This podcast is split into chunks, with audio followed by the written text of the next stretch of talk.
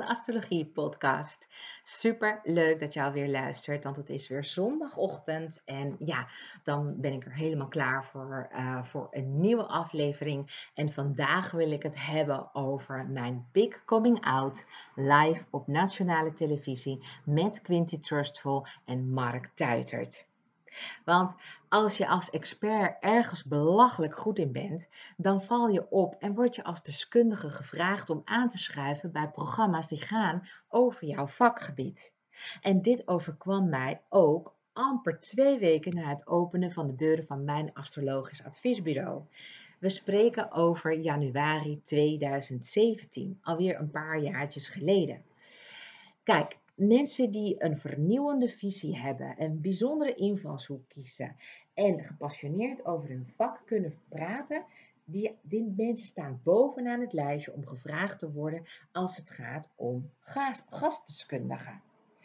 Dus ik werd in januari uh, via LinkedIn benaderd door de hoofdredacteur van RTL Live of ik zin had om aan te schuiven bij het programma RTL Live in het kader van de maand van de spiritualiteit. En ik heb het over live, hè? Dus niet van tevoren opgenomen en achteraf bewerkt. Nee, nee, nee, nee. Bloody live. En live was toen in die tijd ook wel, ja, toen bestond gewoon niet Facebook live en dat soort dingen. Dus het was dan echt gewoon, nou ja, het moest in één keer er dan goed op staan. En, uh, en als je dat nog nooit eerder had gedaan, nou ja, dan word je gewoon voor de leeuwen gegooid. Nou, het enige wat ik wist is, was dat de presentatie in handen zou zijn van Quinty Trustful. Misschien ken je haar wel. Quinty Trustful uh, presenteert heel veel programma's. Maar ze werkt ook voor de Nationale Postcode Loterij. Doet ze ook heel veel voor. En ze was vroeger ook model. En uh, nou, dus ik wist dat zij dan RTL Live zou gaan presenteren. In die tijd deed Albert Verlinde het ook en Angela Groothuizen. Dat deden ze om de beurt. En nu was de beurt dan voor uh, Quinty. Um, ik wist ook dat de tafelgast die ze zouden hebben Mark Tuitert uh, was. En dat is eigenlijk alles wat ze me vertelde. Nou ja, waarom ik, ondanks mijn hardnekkige verlegenheid, toch volmondig zei ja zei tegen deze uitnodiging, dat was omdat ik dit als een kans uit duizenden zag. In één klap wist de wereld dat ik een astrologisch adviesbureau was begonnen en dat ik als astrologisch business coach uh, mijn deuren had geopend. Nou ja, gewoon een betere marketing bestaat gewoon niet. Ik bedoel, uh, we kunnen heel veel uh, investeren in het opbouwen van een eigen imperium gebaseerd op intellectueel eigendom, maar dan ben je wel eventjes bezig. En ja, ik had gewoon de wind in de zeilen. Ik werd gewoon twee weken na het openen, um, werd ik gewoon benaderd. En hoe was dat nou zo gekomen? Ik had alleen een filmpje gemaakt, een filmpje waarin ik dus eigenlijk precies uitleg hoe astrologie werkt en wat mijn visie is. En zo'n filmpje ging viral. Die ging gewoon, nou ja, binnen twee weken was die meer dan 25.000 keer was die, uh, ja, bekeken. En die was viral gegaan op Facebook en op LinkedIn. Dus die ging gewoon, ja, er werd gewoon uh, veel op geliked en er kwamen heel veel reacties op.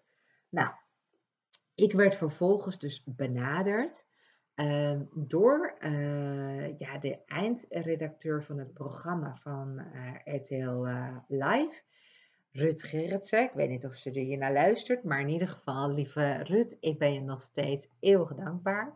Um, Dank je wel dat je mij hebt uitgekozen en dat je me hebt benaderd. Het was een hele mooie samenwerking. Kijk, Rut die had mij gewoon gevonden via LinkedIn. Gewoon via LinkedIn. Zij was namelijk met haar redactie bezig met van wat voor, ja, wat, wat, wat, wat gaan we eigenlijk, welke thema's gaan wij eigenlijk behandelen deze week? En zo ontstond het idee van, zullen we ook iets doen met de week, hè, of met de maand, was het, van de maand van de spiritualiteit. Ja, dat leek ze wel een goed idee. En zo kwam Ruud op het idee van, hé, hey, ik ken nog iemand in mijn netwerk waar ik onlangs een filmpje van voorbij heb zien komen. Um, die daar goed in is, zal ik die eens benaderen. En dat heeft ze dus ook gedaan. Zo raakte ik met haar uh, aan de praat, vertelde ik ook wat ik van plan ben met mijn bedrijf.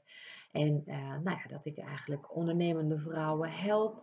En hoe ik dat dan, dan doe. En nou, dat vond ze heel erg interessant. En dus volgde eigenlijk al heel snel de uitnodiging om te gast te zijn uh, bij het programma. Maar ja, ik had maar anderhalf uur, nee, anderhalve dag, sorry, anderhalve dag de tijd om me daarop voor te bereiden. Oh my goodness, hoe doe je dat? Ik bedoel, ik had nog nooit eerder een tv-optreden gehad, nog nooit live en nog nooit dat het ging over mijn werk. En helemaal niet werk waar ik eigenlijk nog gewoon mijn sporen echt in moest gaan verdienen. Want ik liet maar net even een beetje wat van van me weten, van me zien.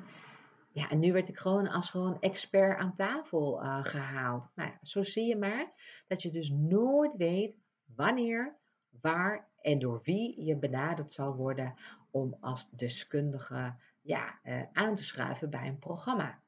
En misschien ben je zelf geen expert en denk je, ja, nou ja, ik zal nooit gevraagd worden. Uh, toch is deze podcast heel erg interessant, want ik ga je wel dingen vertellen over ja, hoe je bijvoorbeeld je angst kunt overwinnen. Hoe ik mezelf, uh, mezelf heb voorbereid op iets wat ik nog nooit eerder heb gedaan. En ik kan me ook heel goed voorstellen dat jij ook wel eens gewoon geconfronteerd wordt met iets wat je nog nooit eerder hebt gedaan. En dat dat ook een bepaalde innerlijke stress oplevert. Nou, iedereen gaat er op een andere manier ermee om. En misschien is het inspirerend voor jou om te weten hoe ik dat heb gedaan destijds. Nou, ben je een astrologie-liefhebber en wil je zoveel, zoveel mogelijk weten over wat ik doe en hoe ik het doe en hoe ik het breng, dan is deze podcast ook echt absoluut een uh, must listen voor je. Want ik ga je veel meer verklappen over nou ja, de do's en de don'ts, wat je vooral niet moet doen ter voorbereiding op een, uh, nou, op een tv-optreden. Maar vooral wat je dus wel moet doen. Dus dat zijn echt gouden tips en die ga je allemaal gedurende deze aflevering ga je die van mij krijgen. Ook ga ik jou acht minuten van de totale ja, aflevering van RTL Live ga ik met je delen. Dus je gaat mij horen en Quinty en Mark. En dan hoor je ons een gesprek hebben en dan hoor je ook de toon van Mark en uh, de vragen die mij gesteld worden en hoe ik daar vervolgens weer ja, op, op, op, ja, op antwoord. En dat is, nou ja, dat is uh, op zijn op zacht gezegd best wel interessant. nou, um, nou, um, wat ik ook nog wilde zeggen is, um, kijk, toen ik me ging voorbereiden op, uh, op eigenlijk deze, nou ja, deze dag, had ik dus heel weinig tijd. Meestal, meestal krijg je iets langer de tijd.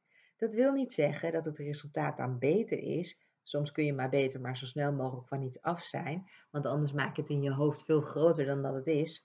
Dus ik was eigenlijk wel blij dat ik gewoon zo voor de leeuwen werd gegooid.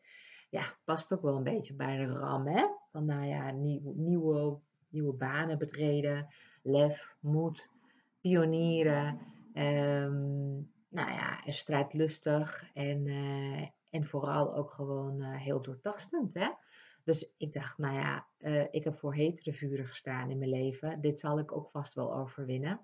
Maar toch zat er natuurlijk van binnen zo'n ja, zo'n zo'n gevoel hè, van. En dan ja, wilde ik dat ook onderzoeken van wat is dat dan voor gevoel? Waar komt het dan vandaan? En uh, hoe kom ik hiervan af? En het voelt zo vervelend. Maar ja, kijk, ook al ging ik mijn sterren raadplegen en in mijn sterren stond dat ik gewoon een topweek zou hebben. Dat ik gewoon, nou, mijn maanpositie stond gewoon supergoed. Nou, ik zou me heel goed voelen. Ik zou bezig zijn eigenlijk met mijn carrière. Ehm, ik zou ook inderdaad naar buiten komen met, uh, met dat met wat ik, dat wat ik doe. Dus eigenlijk dus ook mijn werk. En ehm, ik zou gewoon uh, in, in de publieke belangstelling staan. Nou ja, ik dacht, nou ja, dat gebeurt eigenlijk al de hele week, want natuurlijk mijn filmpje was viral gegaan. Dus ik dacht, nou ja, dan, ja, dan volgen de, dingen elkaar uh, snel op. En dan zal dit gewoon in dezelfde, nou ja, in, de, in dezelfde, hoe noem je dat, in dezelfde wind meegaan. Dus, uh, nou, in ieder geval, mijn sterren stonden goed. Daar hoefde ik geen vervelend gevoel aan over te houden. Niet dat ik altijd alles raadpleeg, maar in dit geval dacht ik, nou ja, uh, eens even checken. Uh, naar mijn eigen sterren. Hoe staat het ervoor? Hoe ga ik me voelen na de uitzending? En uh, nou ja, en wat ga ik ervan leren? Dus dat kon ik wel zien aan mijn sterren, maar toch bleef dat ene gevoel van binnen van oh, oh, oh, oh.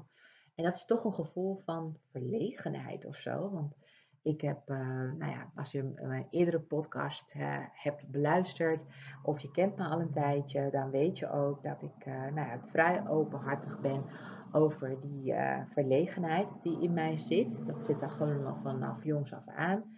Dat ik gewoon, ondanks dat ik gewoon geen podiumvrees heb, vind ik het toch soms gewoon heel erg spannend om uh, nou bepaalde mensen toe te laten of dichtbij te laten. Dat heeft, uh, ik ben zelf heel outgoing en ik ben extravert. Maar omdat ik gewoon een soort van gevoelsspons ben. Ik heb geen HSP, maar ik ben wel echt heel erg sensitief. Ik heb sterk afgestelde gevoelssprieten. Ik ben ook een projector hè, in het human design uh, ontwerp. Misschien zegt je iets, misschien helemaal niks. Maar dan weet je in ieder geval, ik ben dus echt nou ja, maar 20% van de bevolking uh, heeft een soortgelijk profiel, zeg maar, als ik. Wij nemen gewoon op, wij observeren. Dus er komt eigenlijk heel veel komt er dan gewoon binnen. En je moet jezelf ook gewoon beschermen. En soms voelt, voelt het alsof ik een soort van naaktslak ben. Omdat, ja, ik heb dan die panzer dan niet om me heen. Of die moet ik dan ja, even lenen of even creëren voor dat moment. En dan moet ik gewoon ook echt even tegen mezelf zeggen: kom op, uh, voer het raken mee, uh, je kunt het wel. En uh, hierna wordt alles beter. Dus ja, dat helpt ook wel. Maar goed, neem niet weg, want dan op zo'n moment, wanneer je dus voor het oog van nationaal publiek eigenlijk je kunstje moet gaan laten zien, dat dat eigenlijk best wel spannend is. En dat je gewoon ook gewoon geworpen wordt op die delen waar je wel onzeker over bent. En ik ben, uh, ik ben helemaal niet onzeker. Ik voel me ook niet onzeker. Maar ik word dan even op dat moment eventjes onzeker. Omdat ik dan op dat moment bang ben dat je, nou ja, mijn verlegenheid kunt zien door een beeldscherm. Ja, dat slaat natuurlijk helemaal nergens op. Maar sommige mensen kunnen dat oppikken. En ja, daar voel ik me een beetje oncomfortabel bij. Maar ja, aan de andere kant denk ik ook van ja, ja, nou ja, ja. Dat maakt me ook wel weer menselijk. Hè? Ik bedoel, uh, ik ben van vlees en bloed. Ik ben niet uh, perfect. En, uh, en dat zijn zeker de klanten die bij mij komen ook niet. En samen maken we er wat moois van. Ik kan mijn klanten heel erg goed helpen om inzichten te geven. En dat neemt niet weg dat ik zelf ook een, een mens in wording ben. En dat ik ook de nodige ontwikkeling moet doormaken. Nou, Afgelopen jaren heb ik daar ook best hard aan gewerkt. Zie hier ook het resultaat. Ik heb ook gewoon mijn eigen podcast, Fluitje van een Cent voor mij, om het zo maar te zeggen. Maar ja, het is wel even, hè, je overwint natuurlijk wel even iets op jezelf. Je denkt van, nou, eh, ik heb wat te vertellen en ik ga het gewoon, ik ga de boodschap de wereld inslingeren. En degenen die daar zich door aangesproken voelen, die blijven wel luisteren. Ja, zo werkt dat dan. En ik geloof ook heel erg dat dat ook voor jou hetzelfde geldt, maar dan misschien op een andere manier. Maar dat jij ook bepaalde overwinningen op jezelf hebt en dat je dat ook zelf enorm uh, goed voelt. En uh, dat je dan ook daarvan leert dat je, zeg maar, als, als je dingen blijft doen en jezelf blijft stretchen, uh, dat het op een gegeven moment ook gewoon een nieuwe realiteit voor je wordt. Dat je ook gewoon denkt, nou dat doe ik wel even in ieder geval geldt dat zeker voor mij, want ja, ik heb na de tv-optreden nog zoveel interviews mogen geven voor zowel uh, bladen als radio als bij andere podcast uh, shows uh, ben ik geweest, dat het bij mij, ja, dat, dat gaat telkens gewoon natuurlijk veel en veel makkelijker. Het is gewoon op een gegeven moment een tweede natuur. Maar toen niet. Toen, toen was het gewoon volledig nieuw voor mij. Nou, ik had het geluk dat ik mijn beste vriendin met me meekreeg. Zij had een uh, vrije dag opgenomen, want zij dacht, nou Deb, dit is natuurlijk wel echt een dingetje in je carrière. Dit moet gewoon goed gaan. En ik weet dat je naar mij luistert. Nou, dat klopt ook wel. Zij is een stuk ouder dan ik. En zeker een stuk wijzer. En zij uh, is ook life coach. En uh, nou ja, ze, ze kan gewoon ja, enorm relativerend uh, werken. Want ze stelt gewoon de juiste vragen. Maar wat zij ook gewoon doet, is ook een beetje provocatief coachen. Dus ze ging gewoon met mij, ja, ze, met mij mee van Groningen naar de studio's in Hilversum. En tijdens die hele rit zat ze natuurlijk uh, nou ja, te relativeren met humor. En dat deed ze door eigenlijk de worst case scenario's met mij langs te lopen. Hè? Wat als je gewoon zonder woorden komt te zitten? Wat als je opeens gaat stotteren wat je nooit doet? Wat als je geen antwoorden hebt op hun vragen? Wat als ze ja, je verhaal niet interessant vinden? wat als, wat als en wat doe je dan? En nou ja, en ja, dan op een gegeven moment denk je, ja, is goed zo, laat maar. Weet je, ik weet, ik weet het nu wel. En uh, dus ik heb ook een hele lange tijd ook uit het raam staan staren. Normaal gesproken rijd ik altijd, maar zij vond het wel uh, nodig dat ik me moest gaan ontspannen en dat ik niet op de weg hoefde te letten en dat ik mijn gedachten kon focussen op dat wat ging komen. En uh, nou ja, ik zelf kreeg natuurlijk allemaal appjes van het thuisfront van ben je er klaar voor? Heb je er zin in? Wat heb je aan? Dus nou ja, ik zat natuurlijk uh, selfies te maken in de, in de auto en dat op te sturen en tegen de hele wereld te zeggen, ja hoor, ik ben helemaal klaar voor. Ik heb er zin in. maar ja, nou ja, goed, toen we daar uh, eenmaal binnenkwamen bij de studio's, toen nou ja, mocht ik meteen doorlopen naar de visagiekamer.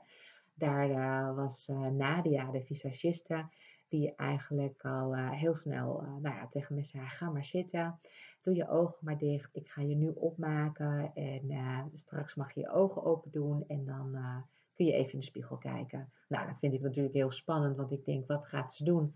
In het dagelijks leven draag ik namelijk heel licht make-up. Ik bedoel, ik doe een beetje, misschien een beetje foundation.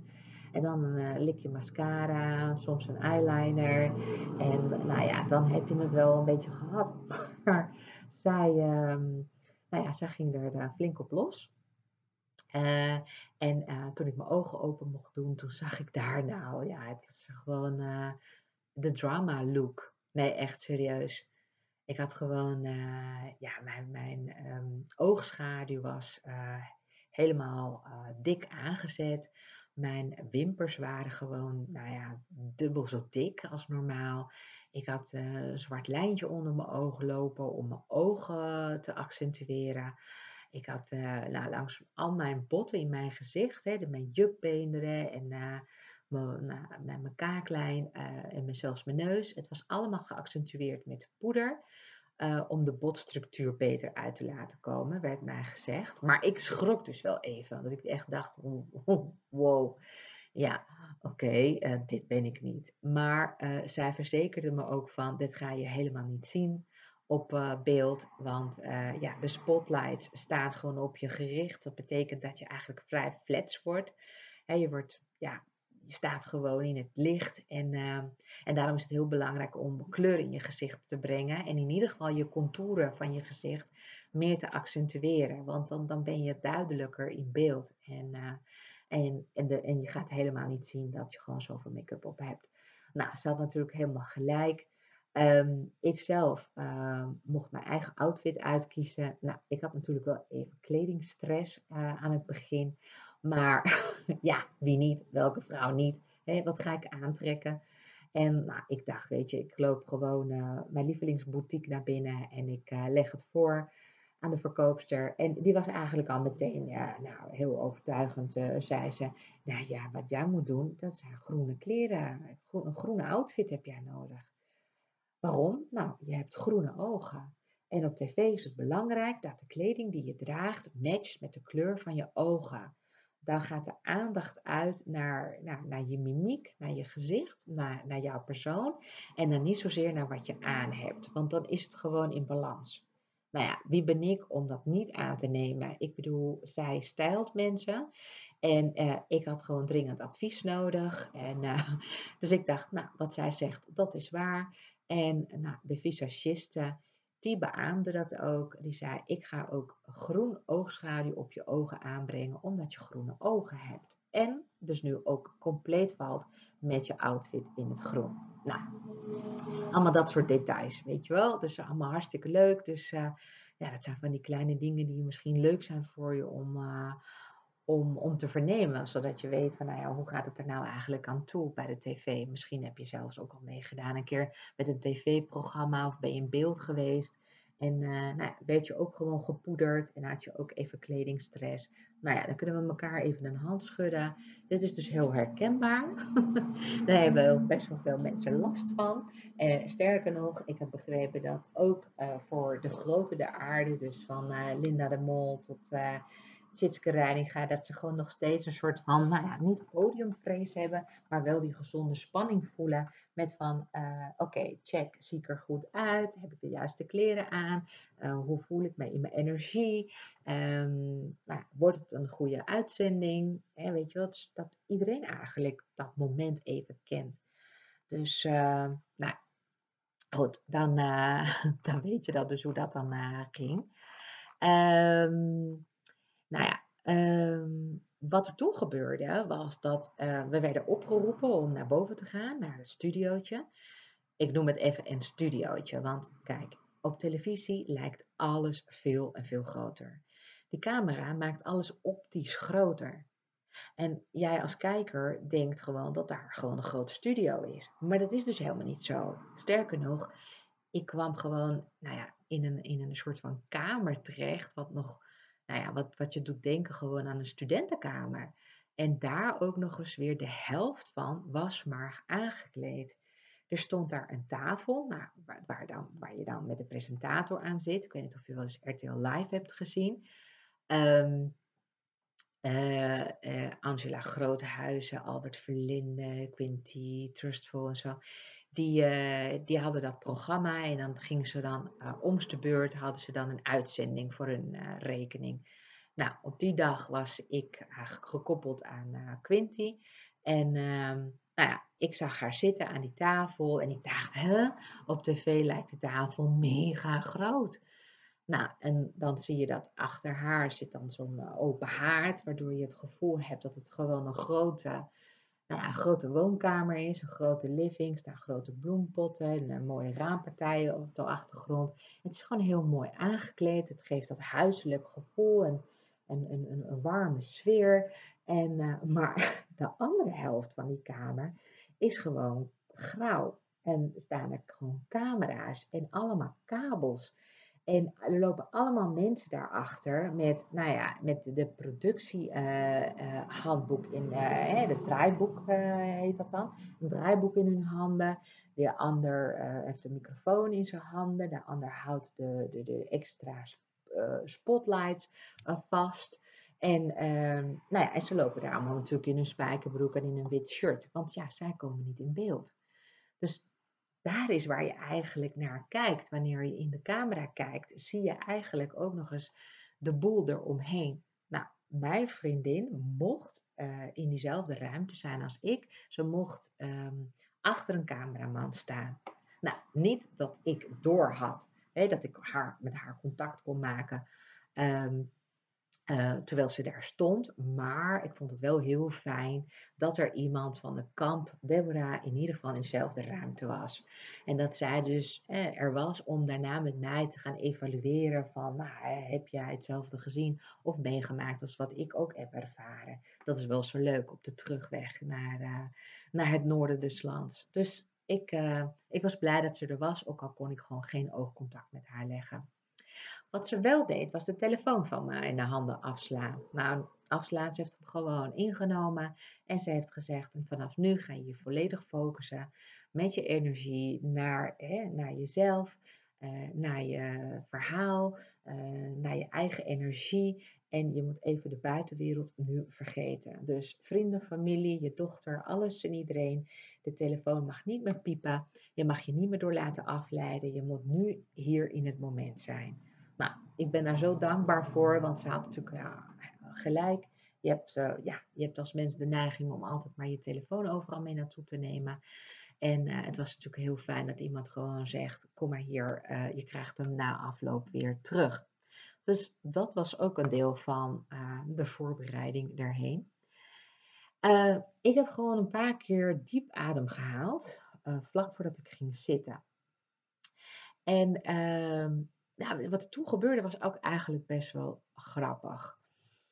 Ik moest gaan zitten uh, tussen Mark en Quinty in. En dat was voordat we live gingen. En dan werd gewoon eigenlijk, ja, iemand van de regiekamer heeft dan contact door middel van een microfoon in het oortje van de presentator, dus in dit geval van Quinty. En die geeft dan Quinty aanwijzingen. Nou, en Quinty die begint in één keer en die stelt mij twee vragen. En ik geef gewoon antwoord. Ik denk, nou, we zijn live. Maar dat was dus helemaal niet het geval. Dat was om te checken uh, hoe het licht viel, uh, of het geluid goed was, um, nou, alles. En wat gebeurde er dan op dat moment? Ja, de regieleider die komt en die zegt, uh, hup, je moet even ergens anders gaan zitten. Hè? Je moet nu aan de andere kant gaan zitten. Dus eigenlijk op de stoel waar Mark zit, daar moet jij gaan zitten. Zodat ik eigenlijk dan gewoon hen ja, beide in het gezicht kon aankijken. Dat was dan beter voor, uh, nou ja, voor, de, voor, voor het beeld. En ik had geen tijd om te zeggen dat dan mijn kapsel aan de verkeerde kant zou zitten. Ik, uh, ik had er helemaal geen tijd voor en zij ook niet. Want ja, de klok begint dan af te tellen met 30, 29, 28 en ga zo verder. Die klok telt af naar, de, naar het live moment. Zo van, nou, we hebben nog 30 seconden, nou zijn we live.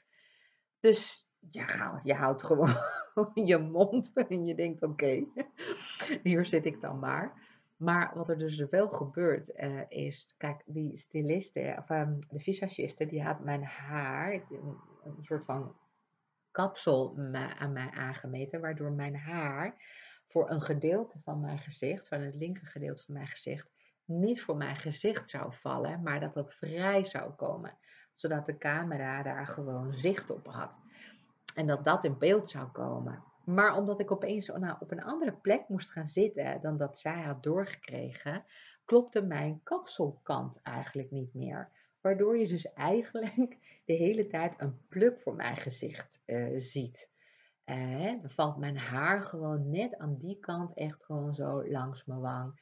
En uh, nou, dan lijkt het alsof ik me een beetje zo verstop achter mijn haar. Nou, niks is minder waar, maar dat komt gewoon omdat mijn haar zo gestyled was. En uh, op het laatste moment dus eigenlijk de zitting werd gewisseld. Nou ja, als dat het ergste is, dan uh, valt daar ook nog wel mee te leven. Zwa.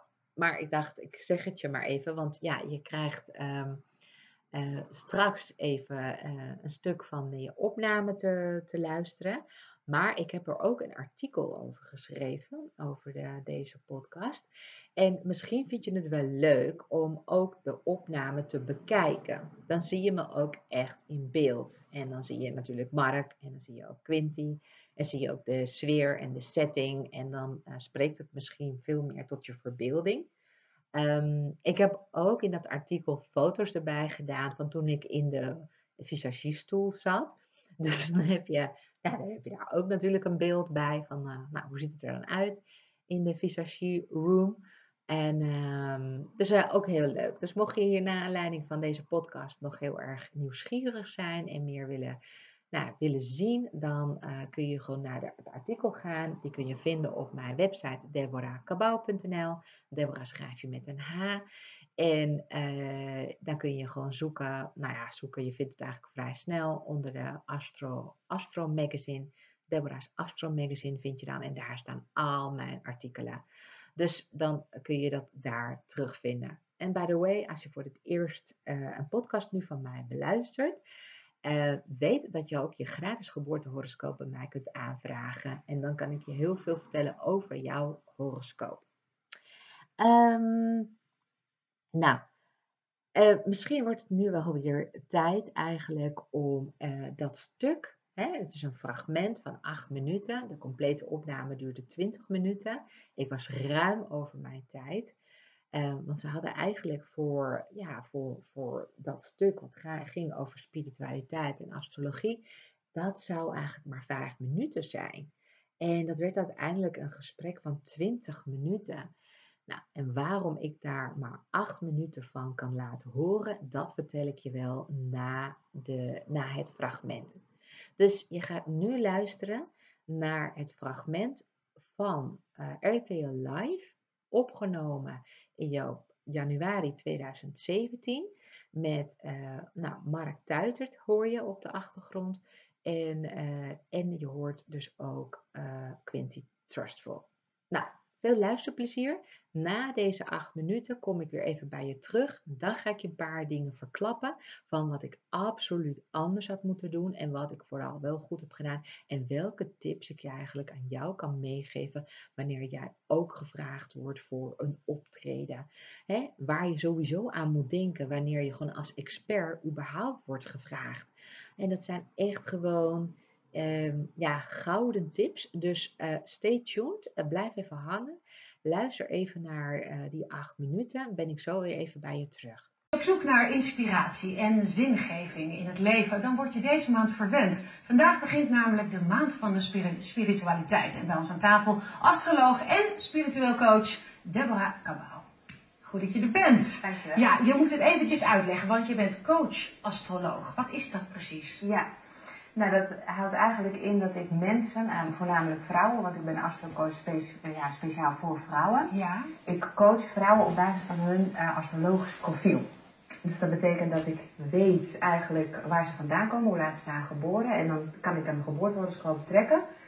En uh, aan de hand daarvan neem ik ze weer mee om te laten zien waar hun motivatie, uh, uh, drijfveren, gedrag vandaan komt. Oké, okay. maar is, dan, is dat dan voor elke vrouw hetzelfde? Want ik bedoel, ik ben bijvoorbeeld een weegschaal. En geldt dat dan voor alle weegschalen? Want we zijn natuurlijk toch allemaal anders? Nee, nee, absoluut niet. Het is ook echt, astrologie is niet datgene wat je eigenlijk in de bladen ziet. Hè? Dus ja, dat, dat, dat, stukje inderdaad. Ja, dat is alleen maar dat is je zon, waar, waar daarop stond. En dat is astrologie absoluut niet. Je moet het zo zien dat eigenlijk iedereen heeft alle uh, dierenriemtekens in zich. Ja. Alleen op het moment dat je werd geboren, kreeg je een imprinting van de stand van de planeten op dat moment. En dat is bij iedereen. het moment dat je geboren bent. Ja, ja want daar stond gewoon de Uranus en, en Pluto, die stonden gewoon allemaal net even anders. En dat geeft gewoon een psychische kracht, zo wordt dat vertaald. En uh, astrologie is eigenlijk een heel oude studie. Ja. En dat hebben ze, uh, ja, door empirisch onderzoek hebben ze daar uh, een aantal persoonlijke gedragingen vastgelegd. En dat betekent dus dat je iedere keer moet kijken welke aspecten maken eigenlijk de planeten. Zoals wat dan? Als je wat is nou een persoonlijkheidskenmerk dan wat je eruit zou kunnen halen? Uh, nou, hoe je communiceert, hoe je, hoe, je, nou, hoe je iemand lief hebt, hoe je studeert, um, hoe je in het leven staat.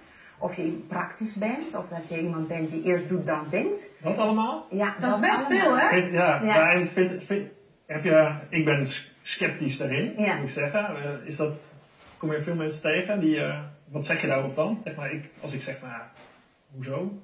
Of ze ook sceptisch zijn? Ja, of dat, ja.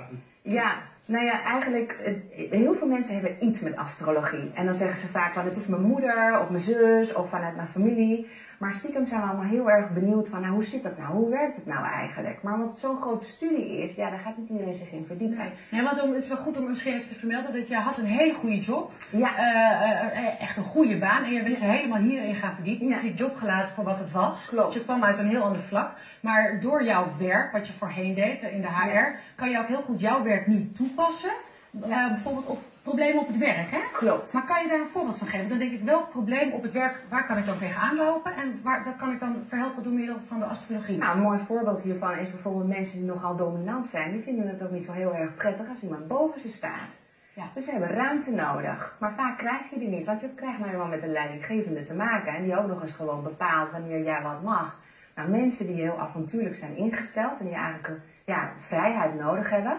Jij hebt vrijheid nodig die uh, moet je dus niet in een hokje stoppen. En dan moet je dus op een andere manier met ze omgaan. Meer ja, uh, uh, bevoegdheden kunnen geven. Okay. Zodat ze hun eigen gang kunnen gaan. Maar dat is dus voor zowel de werkgever als de werknemer heel interessant om dat dan te horen. Want ja. dan krijg je een betere sfeer op de werkvloer. Absoluut, absoluut. En ik ben ook inderdaad vanuit het personeelsvak heel erg geraakt. Ja, en mijn interesse lag altijd in astrologie. En ik ja. ben gewoon die twee dingen met elkaar gaan combineren. En ik denk, ja, luister, het is zo mooi om op basis van astrologie ook wervelingsselectie, maar ook van zit je op de goede plek, mensen binden en boeien. Ja, waar komen ze vandaan? Wat vinden ze fijn? Wat vinden ze prettig? Heel veel mensen weten dat ook niet helemaal van zichzelf. En die worden gewoon in hokjes geplaatst van, nou, dit is je functie, dit is je titel, doe het hier maar mee. Maar kom je hier dan bij een manager of een baas aan met, uh, wat zegt hij dan? Nee, helaas niet. Maar heb ik wel allemaal directeuren gehad die uiteindelijk wel zeiden, doe het maar. Van, oh ja? Ja, ja van, wat, hoe werkt dat dan? En daarna was het met zo'n knipoog van, ja, jij weet te veel nu van mij. Stop maar.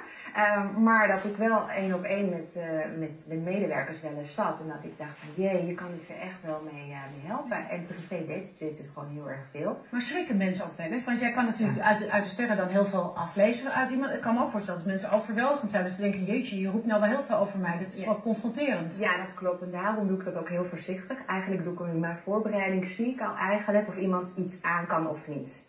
Dus de manier, ga, ga ik met iemand een gesprek aan op basis van het hart? Hè? Spreek ik iemand van hart tot hart? Of moet ik iemand bereiken via het hoofd? Dat kan ik ook zien aan de hand van de horoscoop. Oké, nou dan gaan we meteen naar het volgende. Want Mark, je ziet waarschijnlijk jouw naam daar al op staan. Ja. Uh, we hebben eventjes, uh, althans Deborah heeft dat gedaan. Die heeft, uh, je zegt ik ben een beetje sceptisch. Maar we waren toch benieuwd of er bepaalde dingen uitkomen waarvan je denkt... Oh, ja dat klopt wel. Dus nou, nou, maar. Hartstikke leuk. Um, ik weet niet of de kijkers thuis een beeld daarvan kunnen zien hoe een horoscoop eruit ziet. Maar ik, ik laat het hier aan de hand van wat we hier ja, op tafel hebben liggen. Um, Ehm, Mark heeft eigenlijk het zonnetje in het eerste huis. in het teken zonnetje in huis? Nou, nou, zonnetje in het eerste huis. Dat betekent dat het heel veel over jou gaat, over jouzelf gaat. Mhm. En dan uh, in het teken van ram. Dus dat betekent ook dus dat je heel erg uh, gericht bent op actie en op, de, oh, ja, op doelen. Ja? Maar, ja, ja, ja, klopt. Ja. ja. Ja. maar goed, het allerbelangrijkste is waar we naar kijken, is waar, wat is je ascendant? Dat is waar de zon stond op het moment dat je werd geboren. Toen de zon mhm. opkwam in de oostelijke richting. En dat staat bij jou in het teken van vissen. Maakt het heel erg interessant. Want? Want Neptunus is, regeert eigenlijk dus over vissen. En dat betekent dat het zijn grootste, eigenlijk zijn grootste planeet die al over Mark gaat, is Neptunus. En dat maakt hem heel erg emotioneel. Oh. Klopt dat? Ben je een emotioneel mens?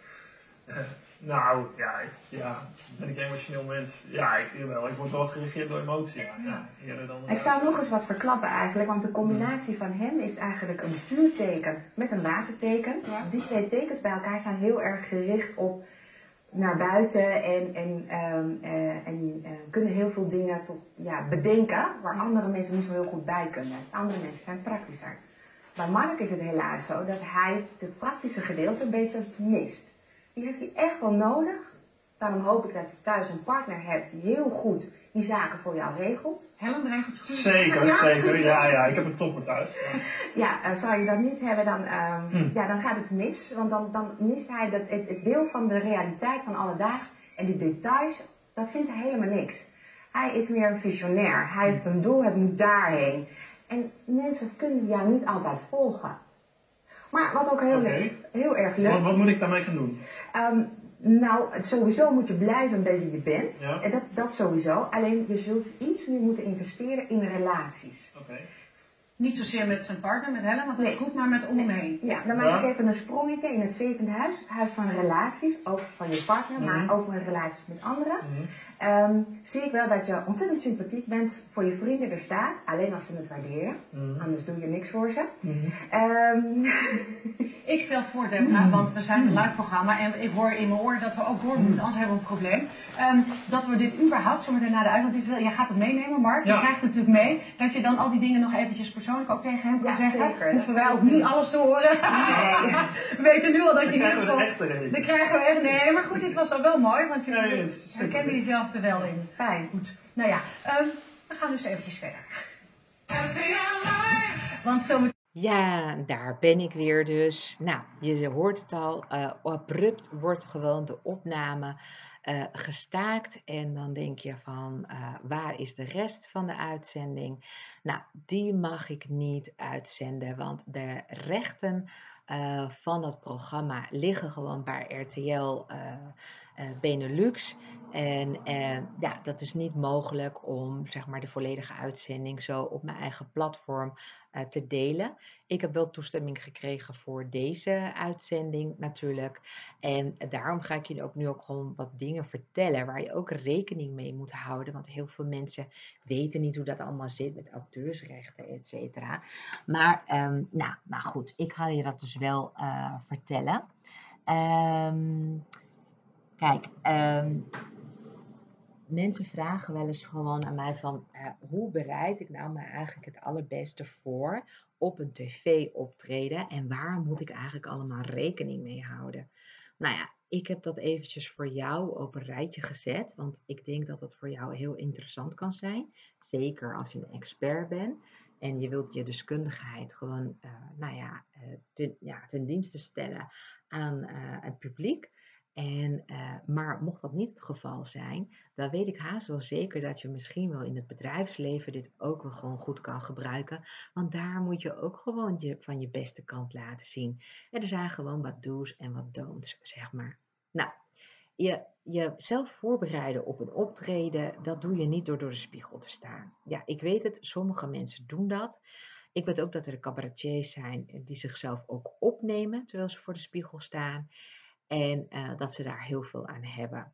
Maar ik weet ook dat je eigenlijk op het moment dus dat je voor de, voor de spiegel staat en ja, jezelf ziet, dat je eigenlijk iets heel anders voelt dan dat het werkelijk het publiek van jou uh, waarneemt. Dus je denkt veel ingewikkelder, veel moeilijker in je eigen hoofd, omdat je van allerlei luikjes open hebt staan, allerlei gevoelens en emoties uh, hebt lopen. En daar heeft natuurlijk de kijker totaal geen last van. Die kijkt gewoon naar jou alsof hij gewoon naar een muur kijkt, bij wijze van spreken, waarin iets dus beweegt en praat. Dus die wil gewoon weten wat jij te vertellen hebt. Niet zozeer wat je, wat je voelt. En, uh, nou ja, en wat alles wat jou, waar, waar jij onzeker over bent. Nee, ze willen gewoon een goed verhaal horen. Dus jij moet je alleen maar druk maken over jouw boodschap. Die moet gewoon goed klinken. Dus je moet wel een soort van pitch wel klaar hebben. Je moet wel al hebben nagedacht welke woorden vind ik wel bij mij passen. En ja, als ik niet op die woorden kan komen, dan laat ik dan even nadenken welk woord past daar nou eigenlijk het beste bij. Nou, het helpt dus ook niet om jezelf op te nemen met de telefoon en dan terug te kijken. Dat is precies wat ik zei. En uh, de meeste mensen die ik ken, die acteurs zijn, die zeggen ook: ik kijk nooit weer terug naar mezelf. Want de persoon die ik zie en hoe ik dan doe, is totaal niet zoals ik mezelf zie. Nou, dan begrijp je ook waarom dus niemand dat terugkijkt. Ik kan me herinneren dat volgens mij was dat Helene van Rooyen, die zei dat ooit in een programma van, uh, oh nee, nee hoor, ik, ik kijk, uh, ik kijk gewoon geen, nou, ik kijk gewoon niks van mij terug. Dat doe ik gewoon niet. En verder, en volgens mij zei Tjitske Reidinga dat ook, van nou, ik, ik doe dat ook niet. Uh, het is zo anders om naar mezelf te kijken uh, dan, dat, dan dat iemand anders dat doet die jou niet kent. Dus ja, dat heeft ook gezin. Het allerbeste wat je kunt doen is je te focussen op het gevoel dat je teweeg wilt brengen bij de kijker. Dat is andere energie dus. Dus wat wil je nou eigenlijk doen? Wat wil je bereiken? Wil je jouw vak luchtig brengen? Dan moet je er gewoon wat humor in gooien. Heb dan ook wat grapjes uh, paraat. Hè? Wees vooral nooit saai, want er zijn genoeg saaie, wereld, uh, uh, saaie mensen op deze wereld. En als je merkt dat jouw boodschap niet goed wordt begrepen, stel dan gewoon een wedervraag. Dan kom je er ook uit. Hè? Want dit gebeurt namelijk zelden. Gasten willen namelijk geen scènes maken. Dus ze wachten heel respectvol hun beurt af. Maar het staat nergens dat het verboden is om de presentator of andere gasten een vraag te stellen. Dus mocht je niet uit je woorden komen of de vraag niet goed begrijpen of graag een andere vraag willen, dan moet je een wedervraag stellen. En dat kan gewoon een korte vraag zijn. En dan speel je de bal weer terug, win je voor jezelf een paar seconden om na te denken, wat wil ik nou eigenlijk ja, ja, zo, hè, wat wil ik nou eigenlijk vertellen? Heb ik alles wel verteld? Kan ik op een bepaalde manier een antwoord terug gaan geven, um, waar ook nog eens uh, deze boodschap meegestuurd wordt? Want dan heb ik in ieder geval ja, volbracht waar ik voor kwam. En niks is natuurlijk zo fijn als dat je gewoon zo'n optreden kunt afsluiten met het gevoel, ja, ik heb gedaan wat ik kon binnen de beschikbare tijd. Nou, uh, je hebt mij net ook gewoon gehoord. Ik heb uh, nou ja, in die beschikbare momenten die ik had, hoor je mij gewoon zoveel mogelijk uitleg geven. En ook gewoon kijkend, uh, hoe wordt daarop gereageerd? En welke vragen stellen ze me nog meer om door te spitten? Dus wat willen ze nou eigenlijk echt weten? En ja, wat ze hier, wat, wat heel duidelijk is, is dat eigenlijk Quinty heel, um, nou ja, het heel verrassend vindt dat ik mijn job natuurlijk als HR, een goed, goed betaalde job in de HR-wereld, in de corporate wereld, aan de wilgen heb gehangen om volledig te gaan voor mijn astrologische adviesbureau. Dat is wat, waar het op neerkomt. En omdat ik dus daar heel erg in geloof. En waarom geloof ik daarin? En dan wordt er dus aan mij gevraagd: joh, maar wat kun je er dan allemaal mee? En dan merk je dus ook dat de nieuwsgierigheid toeneemt. En dat uh, ja, het, het, cynisme en het, het sceptische eigenlijk ook op tafel komt. En dat ik daar iets mee mag gaan doen. En dat is zo mooi, weet je, want het wordt gewoon uitgesproken. En dan vervolgens kan ik dus ook daarop anticiperen en, en nou ja, vragen beantwoorden. En ik zelf heb me natuurlijk voorbereid op een vrij unieke manier. Want ik snap dat niet iedereen dat dit, dit kan doen. Maar kijk, toen ze me hadden uitgenodigd, wist ik maar twee dingen. Ik zit aan tafel bij uh, Mark Tuitert en bij Quinty. En het gaat over spiritualiteit, CQ, astrologie. Wat ze precies wilden weten, dat wist ik niet. Maar toen ben ik gewoon zo bij de hand geweest om eigenlijk aan de, ja, aan de eindredacteur te vragen, uh, of aan, nee, aan de hoofdredactie was dat, om te vragen uh, of ik de geboortegegevens mocht hebben van Mark Tuitert. Want dan zou ik wel even naar zijn horoscoop gaan kijken. En dan kon ik hem wellicht tijdens de uitzending ook wel wat gave dingen teruggeven. Nou, ik, uh, nou ja, ik werd gewoon binnen no time werd ik gewoon weer teruggebeld door de redactie dat hij daaraan mee wilde werken en kreeg ik zijn geboortegegevens. Nou, dat is natuurlijk fantastisch, want je hebt maar anderhalve dag de tijd en dan moet je gewoon ja, zo goed mogelijk jezelf voorbereiden. En nu had ik dus echt voldoende tijd om even in zijn horoscoop te kijken en te zien wat voor vlees ik in de kuip heb. Want ja, heel veel mensen kennen eh, eh, Mark Tuitert, maar ik, heel eerlijk gezegd, kende hem niet. Ik kende hem niet, dus ik vertelde aan de wereld, ja, ik zit met Mark Tuitert aan tafel. En iedereen, oh, wat leuk, en uh, nou, dit is zo'n mooie jongen. En nou ja, van alles hoorde je dan. Nou, uh, hij is ook een Nederlands voormalig uh, lange baanschaatser. hij werd in februari 2020 Olympisch kampioen. Ja, op de 1500 meter in Vancouver. Ik weet niet of jij ernaar hebt gekeken, um, maar ja, daar is hij van bekend. Nou, hij is zelf geboren op 4 april 1980. Dat betekent dat hij een ram is. Ik ben ook een ram. Maar zijn ascendanteken is vissen en zijn maanteken is schorpioen. Dat zijn twee watertekens. Daar ga ik het natuurlijk nu helemaal niet uh, met je hierover hebben. Het is ook niet de bedoeling dat we Mark gewoon uh, gaan behandelen. Maar ik wil alleen maar gewoon aangeven van hoe is dat als je dus als expert heel snel je expertise moet, uh, nou ja, over de bühne moet brengen. Uh, in een korte tijd, live ook nog eens, met mensen die je eigenlijk niet kent. Nou ja, ik heb ervoor gekozen om volledig te vertrouwen op de kennis die ik kan opdoen van, van iemand via de geboortehoroscoop. Dus ik heb gewoon zijn horoscoop geanalyseerd. En vervolgens heb ik hem dingen teruggegeven. Dat is wat je net hebt gehoord. En zo ging het eigenlijk daarna, hè, want na de uitzending uh, kwamen wij allebei terecht bij de bij de visagie, want dan wordt je make-up er weer afgehaald. Ja, zelfs mannen krijgen ook een likje make-up op hun gezicht. Dat, uh, dat is heel normaal. Dus ik zat samen met hem uh, in de visagiekamer. En daar hebben we nog een uur daar gepraat. Iedereen van het programma was al lang en breed naar huis of ging borrelen. Maar hij en ik bleven gewoon nog even zitten. En we zaten heel lang te praten over nou ja, de mystieke ervaringen die hij vroeger in zijn leven had gedaan. En nog veel meer andere dingen waar ik het hier helemaal niet over ga hebben.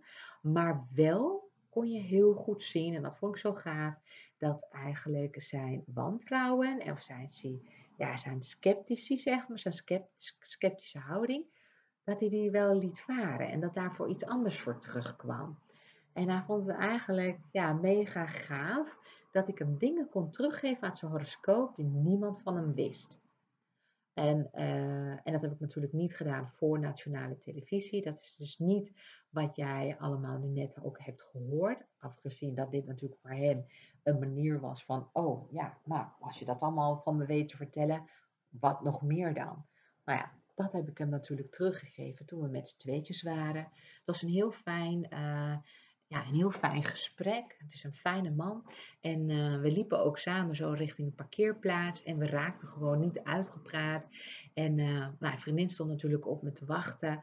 En uh, nou, dus we moesten op een gegeven moment natuurlijk wel afscheid gaan nemen. Maar ik vond het echt mega waardevol om nog even met hem na te praten. Wat betreft Quinty, ja, die heeft zelf iets met astrologie. Die heeft ook al haar horoscopen al wel eens door astrologen laten bestuderen dat zei ze even tussen neus en lippen door tegen mij. Toen ik aan haar vroeg, heb je wel eens naar je horoscoop laten kijken? En uh, ik weet dat zij van uh, eh, 6 oktober is. Uh, ze is vorig jaar 50 geworden. Mm, maar goed, ze was natuurlijk vijf jaar jonger toen ik bij haar in het programma kwam.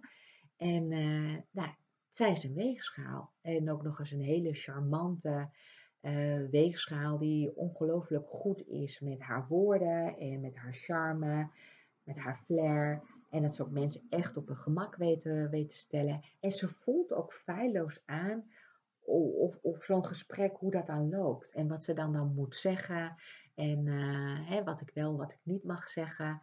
Dat, dat op een moment, eh, op bepaalde momenten, ja, ja eh, je hebt het waarschijnlijk niet in deze uitzending kunnen horen, maar dan kapt ze dat een beetje af. Eh, maar dan brengt ze dat op een hele fijne manier weer, uh, weer terug naar het gesprek. Nou, Super fijn natuurlijk. Um, ik kon natuurlijk in de geboortehoroscoop van Mark Duiter zien dat hij nuchter is. Hè? Dat het een nuchter persoon is. En dat je bij hem niet hoeft aan te komen met hocus pocus. Dus gewoon met vage concepten. Hij is meer een man van de bewijzen. Ja, hij is concreet. Hij moet, ja, hij moet het kunnen zien. Je moet het, ja, het moet bijna een wetenschap voor hem zijn. Wil hij daarin mee kunnen gaan. Maar eigenlijk na, na de uitzending en door het uur dat we daarna nog met lang met elkaar hebben doorgepraat, zie je hem daarin dus helemaal verander, veranderen.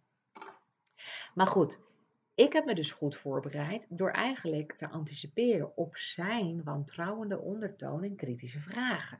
Ik wist dat die zouden komen natuurlijk. Dus ik heb er natuurlijk goed aan gedaan om juist zijn horoscoop voor te bereiden. Dat werd niet van mij gevraagd. Dat heb ik gewoon zo aangeboden. En ik denk dat als je uh, gevraagd wordt als expert, dat uh, redacties er ook op zitten te wachten dat jij een stukje creativiteit, hè, creatieve inbreng uh, meebrengt.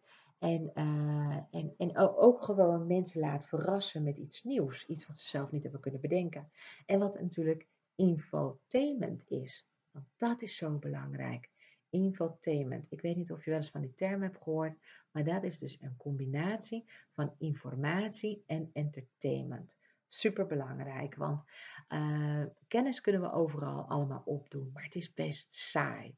Maar als het op een leuke manier wordt gebracht, die onze zintuigen prikkelt, dan blijven we geboeid. Dan zitten we op het puntje van onze stoel, bij wijze van spreken. Dan willen we weten hoe het gaat aflopen. Wij, wij kunnen ook het beste leren als uh, zeg maar ook um, de humor, de humorcellen in ons brein zeg maar activeren. Dat we iets gewoon grappig vinden. Want dan kunnen we het veel beter plaatsen en dan blijft iemand of het verhaal beter hangen. Dus doe dat vooral als je een expert bent. En, uh, en, en je leeft dus eigenlijk van je intellectueel eigendom. Breng het dan eigenlijk op een leuke manier. Dat is echt gewoon heel erg belangrijk.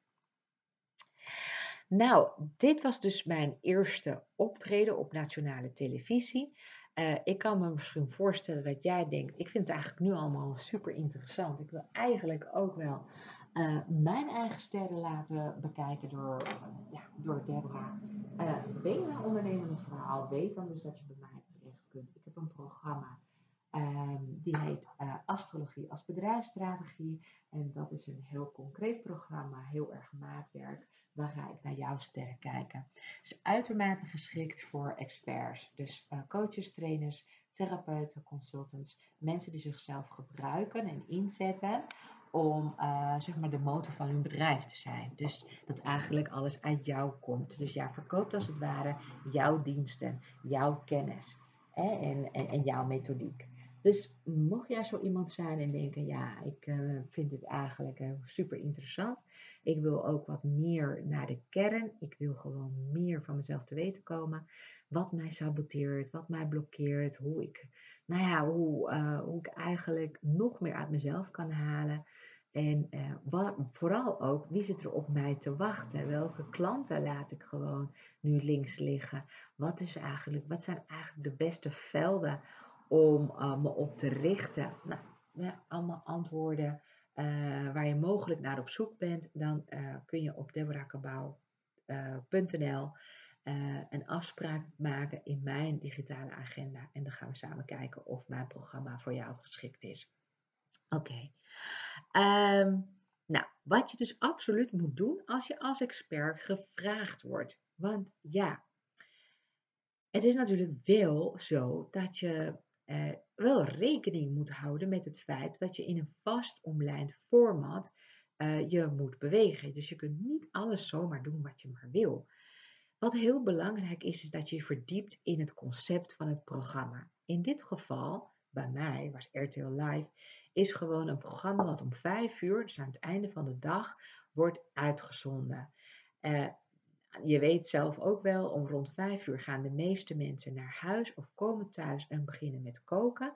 Die zitten in ieder geval net tegen het eten aan en die willen eigenlijk niet heel veel aan hun hoofd. Die willen iets lichts uh, zien en horen. Dus met zware kost hoef je niet aan te komen. Daar hebben ze niet op dat moment de volledige focus op.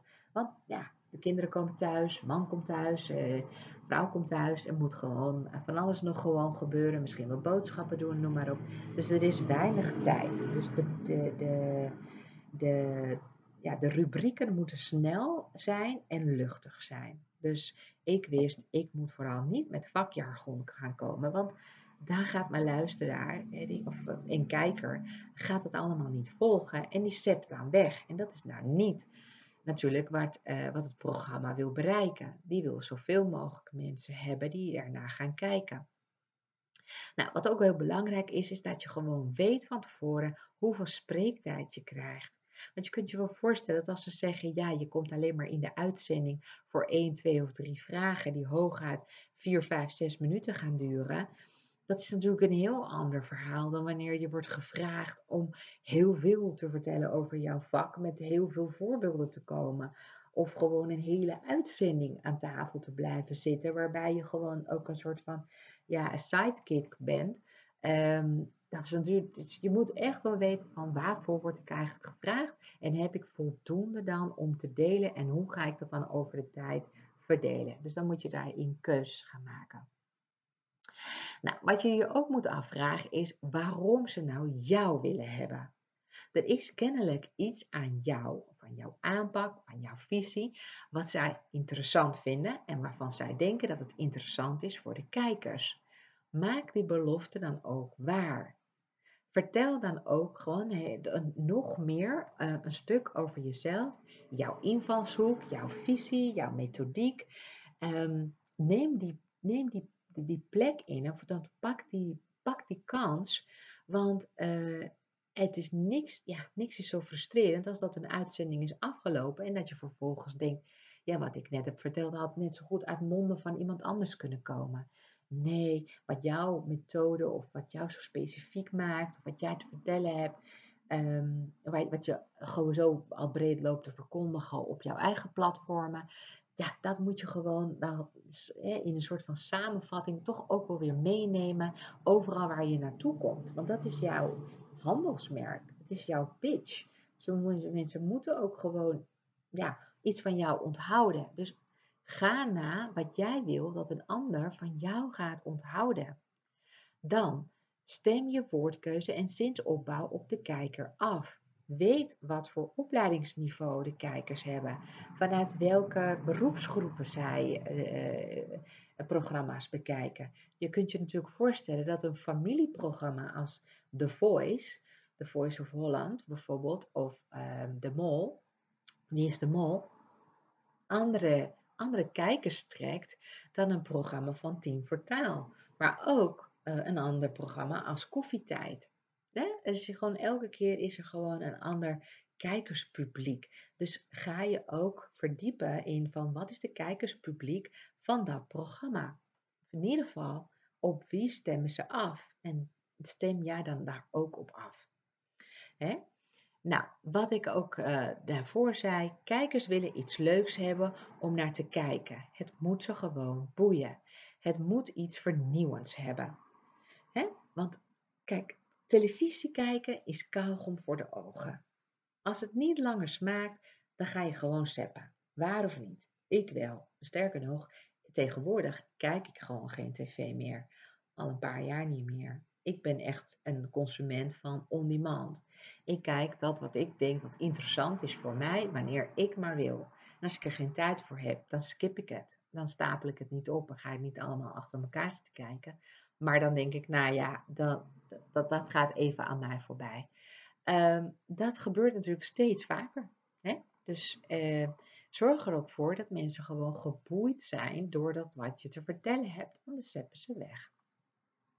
Nou, omdat Quinty mij bij de kijker introduceerde, hoef ik dat, hoefde ik dat zelf helemaal niet meer te doen. Ik kon me dus richten op haar vragen.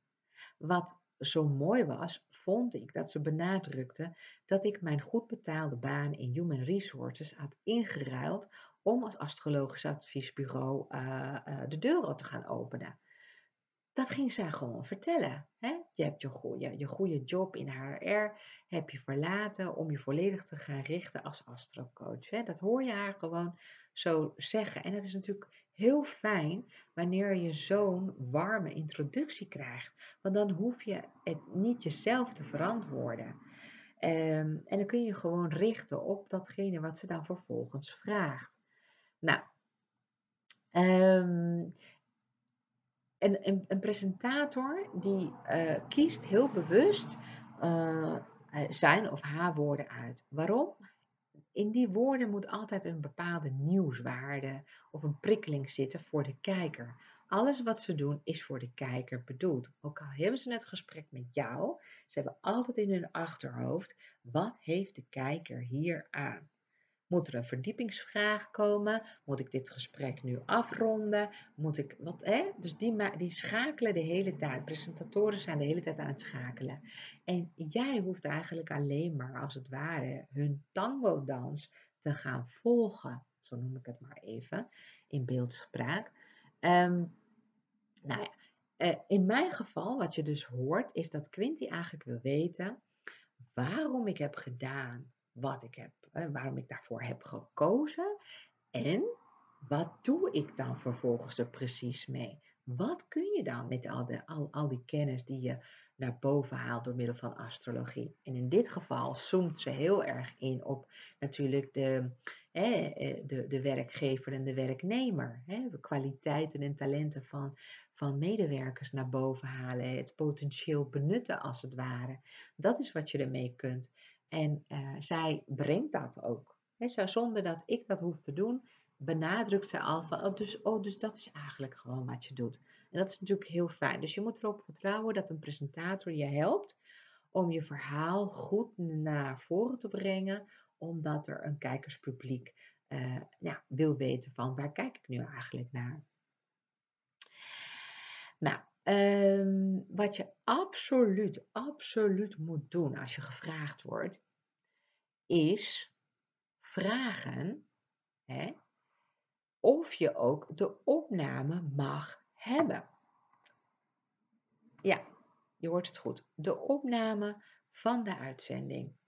Of je die dan mag overnemen en die mag plaatsen op bijvoorbeeld je eigen website. Meestal doen ze daar niet moeilijk over hoor. Maar wat ik al eerder zei, RTL Live maakt onderdeel uit van RTL Benelux. En daar, vanuit dat hoofdkantoor, wordt eigenlijk het beleid en de juridische kaders uh, altijd bepaald. En die hebben gewoon een heel streng beleid als het gaat om intellectueel eigendom. Ze gooien alles achter een betaalde muur. En dat komt natuurlijk omdat hun content niet gratis wordt gemaakt. En uh, daar staat sponsorgeld tegenover. Als hun content naar buiten komt en het is gratis, dan verdienen ze er natuurlijk niks aan. En dat is logisch, zo'n machine waar heel veel medewerkers aan werken, dat moet natuurlijk wel allemaal betaald worden. Dus dat is de reden waarom ik niet de volledige opname van 20 minuten op mijn eigen kanalen zet en kan zetten. Het liefst zou ik dat natuurlijk wel doen, maar ik begrijp het ook wel weer van RTL dat, dat, dat, ja, dat ik dan daarmee eigenlijk hun beleid schend. Dus dat gaan we dan ook niet doen. Maar het is natuurlijk al superleuk dat ik acht minuten al wel mag gebruiken, terwijl eigenlijk de hele uitzending maar vijf minuten zou duren. Dus ik zit gewoon in de plus en ik ben er natuurlijk al lang blij mee. Je hebt toch een soort van sneak preview, hoe het er aan toe ging. En, uh, en dat is gewoon hartstikke leuk en dat gaat voor altijd mee. Um, even een slokje nemen hoor. Hm. Ik ben vandaag de dag begonnen met een cappuccino. En ik heb er een croissant naast liggen. En daar ga ik zo meteen nog even een flinke hap van nemen. Ja, ik heb uh, gisteren croissants gehaald. En uh, ja, want mijn kinderen vinden croissants lekker en altijd zeggen ze, wel, wanneer eten we weer croissants? En nu wilde ik ze dus verrassen met croissants. En nou ben ik de eerste die alvast een croissant aan het, uh, aan het opeten is. Want kijk, ik, um, ja, het is natuurlijk nu weekend en ik sta altijd als eerste op. En dan, uh, nou ja, dus heb ik mezelf nu even verwend met een croissant. Dus dat, dat, dat lonkt naar me. Dus, uh, nou ja, um, maar wat ik uh, tegen je wil zeggen is, regel alle afspraken vooraf. Ja? Regel echt alles vooraf. Dat heb ik ook gewoon gedaan. Hè, dus vraag gewoon van, mag ik dan gewoon uh, het materiaal gebruiken? Mag ik het herpubliceren? Mag ik... Uh, hè, en, en, dat is natuurlijk heel fijn als je dat, nou, als je dat gewoon meekrijgt. Want kijk, gratis meewerken aan een programma betekent niet dat je zelf geen rechten hebt. Ik heb ook auteursrecht op mijn eigen gesproken woorden en ook berust er portretrecht op mijn eigen beelden. Zo zit de wet nou eenmaal in elkaar. Maar in tv-land ben je snel onder de indruk en vergeet je dit dus goed te regelen. En dat is dus zonde. Want dan kan je niet, net als ik, nog jaren van je optreden profiteren. Dus regel het gewoon dan. Nou, wat levert nou een tv-optreden eh, op? Hè? Wat zou dat nou opleveren? Nou, wat denk je wat het oplevert? Nou, 0,0 euro sowieso als we het hebben over financiële, eh, financiële termen. Dat levert gewoon dat, ja, niks op. Maar als gastdeskundige gevraagd worden, is ten eerste natuurlijk een eer. Je doet het niet voor het geld. Sterker nog, bijna niemand wordt betaald om aan te schuiven bij programma's of zelfs het geven van interviews. Je doet het omdat het natuurlijk ego-strelend is. Maar ook omdat je een boodschap hebt te verkondigen. Maar dat maakt het natuurlijk niet minder spannend allemaal, dat snap ik. Je wordt voor de leeuwen gegooid als het ware. Zeker als je, nou ja, zoals ik, nog nooit eerder een tv-optreden hebt gegeven. Dus dat is inderdaad wel erg spannend. Voor mij betekende mijn tv-optreden mijn grote big coming out als astrologe. Ik had nog niet volledig mijn netwerk op de hoogte gebracht van mijn nieuwe ondernemerstappen. Veel connecties op LinkedIn waren verbaasd over deze verrassende move. Maar het zette mij wel gelijk op de kaart als astrologe. Een betere marketing kon ik me gewoon niet wensen. Maar wat levert het nou echt op? Nou, eeuwige roem natuurlijk. En als je het goed aanpakt, ook nog eens commercieel succes. Want er zitten tussen de kijkers altijd potentiële klanten. Komen ze nu niet, dan komen ze over een tijdje. Maar ze willen wel alvast wat meer ja, van jou te weten komen. Dus welke fout mag je absoluut niet maken als je als expert wordt gevraagd?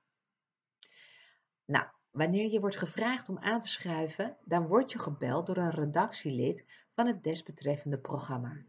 Hij of zij stelt je wat vragen naar aanleiding van je website en polst bij je of je een makkelijke prater bent, of je goed uit je woorden komt en bevlogen antwoord geeft op de vragen die je worden gesteld.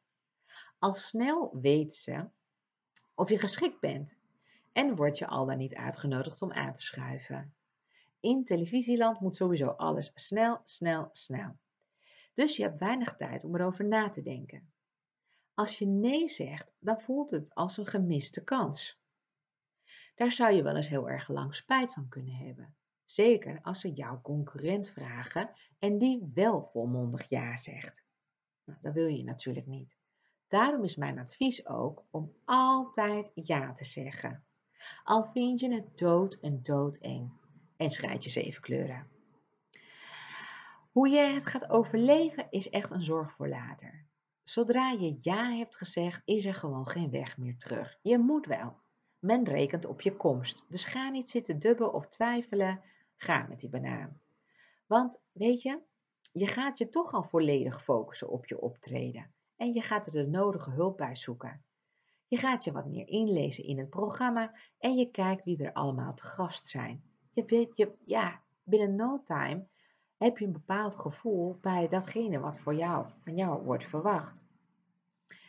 Wat je echt absoluut moet doen, is afspreken, hè, want dat is wel heel erg uh, belangrijk, dat je, dat je iets mag roepen of zeggen hoe mensen meer over jou kunnen vinden. Ja, want de kijker die geïnteresseerd is in jou, die wil misschien wel een volgende stap zetten. En jij wil natuurlijk die, ja, die persoon ook tot je kunnen roepen. Daarom is het belangrijk dat je een soort van deeltje sluit met de makers van het programma, waarin je dus ook vraagt voor free publicity. Hè? Gratis publiciteit. Gewoon dat je gewoon mag zeggen of mag verwijzen dat mensen meer informatie of een gratis paper, hè, de weggever, kunnen aanvragen via je website. En dan leid je die mensen daar naartoe. En die komen dan vervolgens op je, bijvoorbeeld op je nieuwsbrief. Wat dan natuurlijk heel handig is als uh, kennisondernemer. dus heel belangrijk dat je iets te bieden hebt aan de kijker, waardoor die een stap naar jou toe kan maken. Nog beter is natuurlijk als de presentator dat voor je doet. Uit onderzoek is gebleken dat reclame maken het beste kan als iemand anders dat voor je doet. Maar hè, heel vaak krijg je zelf het woord, mag je zelf zeggen, mag je zelf een oproep doen eh, en je richt het op de camera en dat werkt ook gewoon prima. Maar heb dan wel je pitch klaarstaan. Nou, meestal hoef je alleen maar te verwijzen naar een websiteadres. Dat doe ik ook, hè. dat doe ik zelfs hier in deze podcast. Ik refereer heel vaak naar mijn uh, website, want daar is ook veel meer te vinden. Daar kun je de gratis geboortehoroscoop aanvragen. Daar kun je uh, alle podcasts weer terugvinden. Daar kun je mijn artikelen weer terugvinden. Daar kun je informatie vinden over mijn programma Astrologie als bedrijfsstrategie. Dus daar gebeurt het. Hè? daar is natuurlijk veel meer. Dus je moet traffic krijgen die kant op. Dus dan moet je een oproep kunnen, kunnen maken. Nou, zorg ervoor dat je dus die free publicity dan krijgt. Ehm, ik had zelf iets geniaals bedacht. Daar had ik niet eerder bij stilgestaan. Maar ik zei uh, voor de tv dat iedereen bij mij zijn of haar gratis geboortehoroscoop mocht aanvragen. Nou, dat, uh, dat heb ik geweten hoor. ik had mensen doorverwezen naar mijn website, maar ik had helemaal mm, ja, niet zoveel pagina's daar klaarstaan. Want ja, ik, uh, ik was natuurlijk nog groeiende. Dus wat had ik daar? Alleen maar de contactpagina. En niet eens de invulvelden, invulformulier uh, waarin je al je gegevens kunt achterlaten. Hè, geboortetijd, geboortetijdstip, geboorteplaats. Dat had ik allemaal niet. Ik had dat niet geautomatiseerd destijds nog. En, maar ik had wel die oproep gedaan. En ik dacht, ik zie wel wie daarop reageert. Als het een handje vol is, is het maar een handje vol.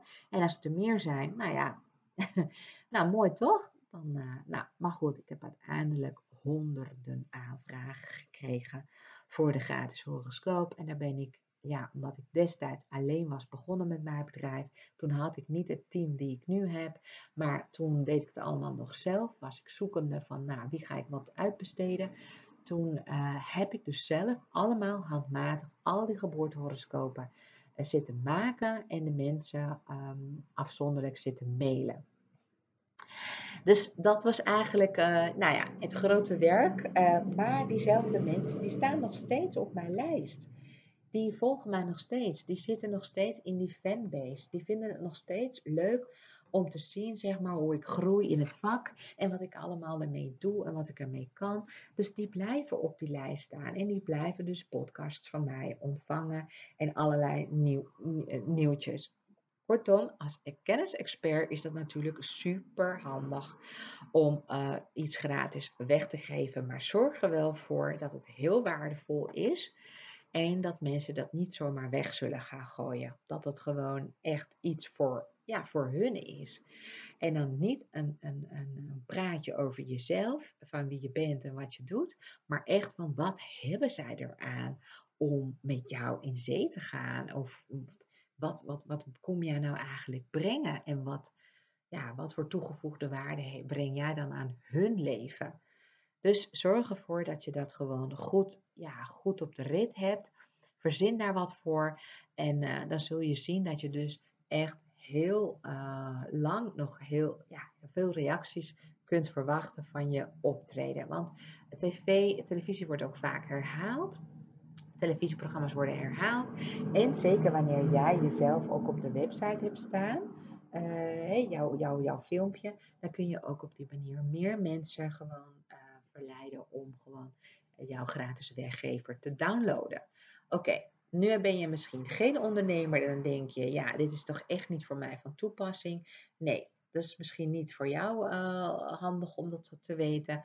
Maar zoals je weet ben ik gewoon een astrologe in hart en nieren. Ik schrijf uh, boeken en horoscooprapportages die ik achter de schermen aan het ontwikkelen ben. En die gaan uitkomen en die zijn dan voor iedereen uh, Um, die worden gewoon voor iedereen beschikbaar gemaakt. Maar het werken samen met mij, dat één op één, dat kan alleen maar als je een ondernemende uh, kennisondernemer bent. En um, dus ja, dan, dan, dan nodig ik je uit om die stap dichter bij mij te maken. Dat komt omdat ik gewoon niet alle tijd heb van de wereld om iedereen te helpen.